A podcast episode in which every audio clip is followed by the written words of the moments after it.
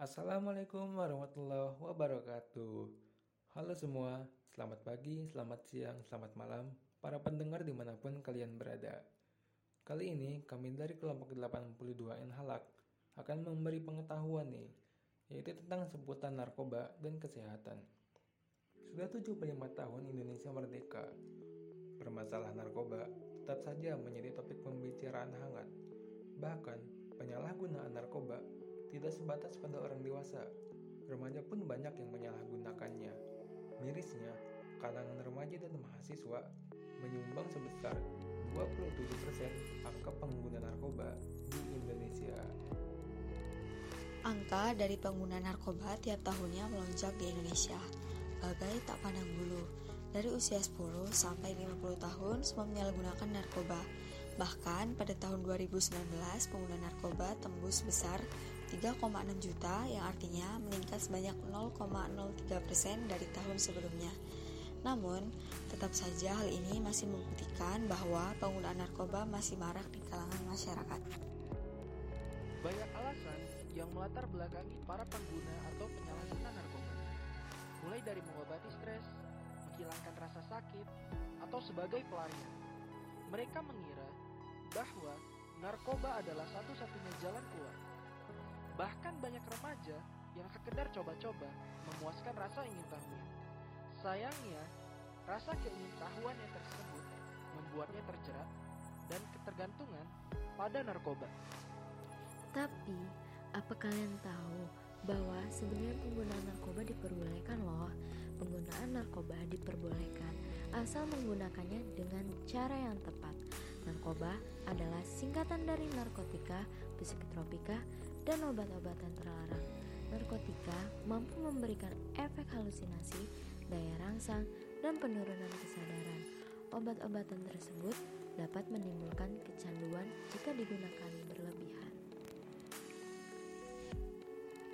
Menurut pasal 6 ayat 1 Undang-Undang Narkotika, narkotika dibedakan menjadi tiga golongan, yaitu narkotika golongan 1, narkotika golongan 2, dan narkotika golongan 3. Narkotika golongan 1 adalah narkotika yang dapat digunakan untuk tujuan pengembangan ilmu pengetahuan dan tidak digunakan dalam terapi. Contohnya heroin, kokain, daun kokain, opium, ganja, jicing, katinon, ekstasi, dan lebih dari 65 jenis lainnya. Sedangkan narkotika golongan 2 adalah narkotika yang digunakan pengobatan sebagai pilihan terakhir dan dapat digunakan dalam terapi dan untuk tujuan pengembangan ilmu pengetahuan. Narkotika golongan 2 juga mempunyai potensi tinggi mengakibatkan ketergantungan. Narkotika golongan ini adalah bahan baku untuk produksi obat. Contohnya, benzoina, morfin metoprolida, dan morfina, ketidin, morfin, fentanyl, atau metadon. Dan narkotika golongan 3 adalah narkotika yang berhasiat sebagai pengobatan dan banyak digunakan dalam terapi. Dan untuk tujuan pengembangan ilmu pengetahuan serta mempunyai potensi ringan mengakibatkan ketergantungan. Narkotika pada golongan ini hanya digunakan untuk rehabilitasi, untuk mengurangi ketergantungan pada narkotika golongan 1 dan 2 yang mempunyai potensi ringan akibatkan ketergantungan. Contoh, kodein, difonoksilat, eti, etilmorfina, polkodina, dan propiram. Dampak penyalahgunaan narkoba dapat dikategorikan berdasarkan banyak kriteria, misalnya efek jangka pendek atau jangka panjang, ataupun langsung atau tidak langsung. Selain itu, dampak narkoba juga tergantung pada jenis narkoba yang digunakan, seberapa banyak yang telah dikonsumsi dalam jangka waktu beberapa lama, kondisi kesehatan orang itu sendiri, maupun faktor lainnya. Penyalahgunaan narkoba ini memiliki dampak negatif dalam berbagai aspek, seperti kesehatan, psikologi, lingkungan, serta fisik. Dalam segi kesehatan, narkoba memberikan dampak seperti perubahan sel saraf dalam otak, dehidrasi, hilang fokus, halusinasi, dan kejang-kejang. Selain itu, narkoba juga menyebabkan kerusakan organ tubuh penting, meningkatkan resiko terkena HIV/AIDS hingga kematian. Efek negatif narkoba ini dapat terjadi dalam jangka panjang bagi penggunanya. Selain dari segi kesehatan, narkoba juga memberikan efek buruk bagi lingkungan dan sosialnya. narkoba memberikan dampak seperti meningkatkan kejahatan, meningkatkan kemiskinan, dan menjadi beban keluarga. Bahkan, banyak dari penyalahguna narkoba yang menjadi antisosial terhadap lingkungannya. Dan bisa dipastikan bahwa masyarakat akan merasa terancam dan merasa dalam bahaya bila berada dekat penyalahguna narkoba. Hal itu menyebabkan para pengguna narkoba menjadi dikecilkan dari masyarakat itu sendiri. Narkoba juga memberikan impact terhadap psikologi penggunanya. Efek ini seperti lamban kerja dan ceroboh, sering tegang dan gelisah, kehilangan kepercayaan diri, dan menjadi brutal. Selain itu, narkoba juga memberikan efek gangguan kejiwaan, gangguan daya pikir, kreasi dan emosi, serta memberi perilaku yang tidak wajar. Efek yang telah diberikan narkoba yang paling terlihat jelas adalah dalam segi fisik. Biasanya pengguna narkoba terlihat lebih kurus, berkulit pucat, pupil mata membesar, dan gigi yang membusuk. Memiliki luka yang tak kunjung sembuh, memiliki rambut sedikit, mata kering, dan memerah merupakan efek narkoba yang dapat dilihat dari segi fisik. Bagi para pengguna narkoba yang telah terlanjur ketergantungan, mereka membutuhkan tahapan rehabilitasi agar tidak lagi kecanduan, dan perlahan-lahan terlepas dari penggunaan narkoba. Mereka memerlukan tahapan karena mereka takkan bisa langsung berhenti menggunakan narkoba karena narkoba memberikan efek sakau. Berdasarkan Peraturan Menteri Kesehatan Republik Indonesia tentang Rehabilitasi Medis Pecandu, penyalahguna dan korban penyalahguna narkotika pada bab 3 pasal 9 ayat 1 berbunyi Proses rehabilitasi medis meliputi asesmen, penyusunan rencana rehabilitasi, program rehabilitasi rawat jalan atau rawat inap, dan program pasca rehabilitasi. Pelaksanaan rawat jalan sebagaimana dimaksud meliputi intervensi medis antara lain melalui program detoksifikasi, terapi simptomatik, dan terapi rumahan medis serta terapi penyakit komplikasi sesuai indikasi dan intervensi psikososial antara lain melalui konseling adiksi narkotika, wawancara motivasional, terapi perilaku, dan konektif serta pencegahan kambuh. Sedangkan untuk rawat inap berupa intervensi medis antara lain melalui program detoksifikasi, terapi simptomatik, dan terapi penyakit komplikasi sesuai indikasi yang kemudian masuk ke intervensi psikososial, antara lain melalui konseling individual, kelompok, keluarga, dan vokasional. Ada lagi nih beberapa syarat yang perlu dipenuhi sebelum seseorang melaksanakan rehabilitasi.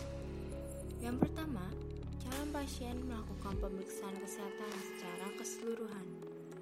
Yang kedua, keluarga pasien perlu bersedia memenuhi kelengkapan surat permohonan rehabilitasi. Yang ketiga, kesediaan orang tua atau wali yang dapat mewakili atau bertanggung jawab. Dan yang terakhir, persyaratan administratif lainnya. Berbagai lokasi tempat pelaksanaan rehabilitasi tersebar di hampir seluruh kota yang ada di Indonesia. Bahkan, Lampung merupakan tempat rehabilitasi terbesar nomor 2 di Pulau Sumatera dengan luas sekitar 3 hektar. Lokasi ini terdapat di Loka Rehabilitasi Badan Narkotika Nasional atau BNN di Kalianda, Kabupaten Lampung Selatan. Tapi perlu kita ingat ya, jangan sampai kita masuk menjadi daftar salah satu pasien yang ada di sana. Ada banyak cara agar kita tidak berakhir sebagai pasien rehabilitasi narkoba. Bagi pepatah, sedia payung sebelum hujan. Semua itu dapat dicegah sejak dini dengan berbagai macam cara. Cara tersebut diharapkan dapat menghindari kita dari terjerumusnya ke dalam penyalahgunaan narkoba dan menjadi ketergantungan terhadap narkoba tersebut. Yang pertama yaitu pencegahan primer atau primary prevention. Pencegahan ini dilakukan kepada orang yang belum mengenal narkoba serta komponen masyarakat yang berpotensi dapat mencegah penyalahgunaan narkoba. Kegiatan-kegiatan yang dilakukan dalam upaya pencegahan ini antara lain: yang pertama, penyuluhan tentang bahaya narkoba. Yang kedua, penerangan melalui berbagai media tentang bahaya narkoba. Dan terakhir, pendidikan tentang pengetahuan narkoba dan bahayanya. Cara kedua yaitu pencegahan sekunder. Pencegahan ini dilakukan kepada orang yang sedang coba-coba menyalahgunakan narkoba serta komponen masyarakat yang berpotensi dapat membantu agar berhenti dari penyalahgunaan narkoba. Kegiatan-kegiatan yang dilakukan dalam upaya pencegahan ini antara lain deteksi dini anak yang menyalahgunakan narkoba, konseling, bimbingan sosial melalui kunjungan rumah, penerangan dan pendidikan pengembangan individu, dan yang terakhir adalah pengembangan life skill berupa keterampilan berkomunikasi yang baik, keterampilan menolak tekanan orang lain, dan keterampilan mengambil keputusan yang baik. Dan cara yang terakhir yaitu pencegahan tersier atau tertiary prevention. Pencegahan ini dilakukan kepada orang yang sedang menggunakan narkoba dan yang pernah menggunakan narkoba yang berpotensi dapat membantu agar berhenti dari penyalahgunaan narkoba. Kegiatan-kegiatan yang dilakukan dalam upaya pencegahan ini antara lain yaitu yang pertama konseling dan bimbingan sosial kepada pengguna dan keluarga serta kelompok lingkungannya. Dan yang kedua, menciptakan lingkungan yang kondusif bagi bekas pengguna agar mereka tidak terjerat untuk kembali sebagai pengguna narkoba.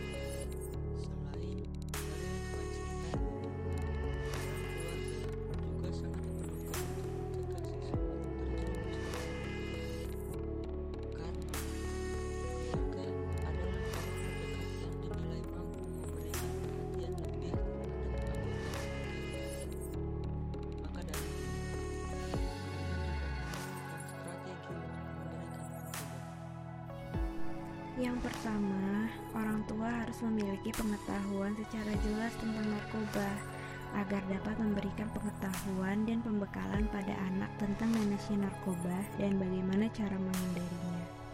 Hindari kepercayaan diri yang berlebihan bahwa anaknya adalah anak yang sempurna dan tidak punya masalah.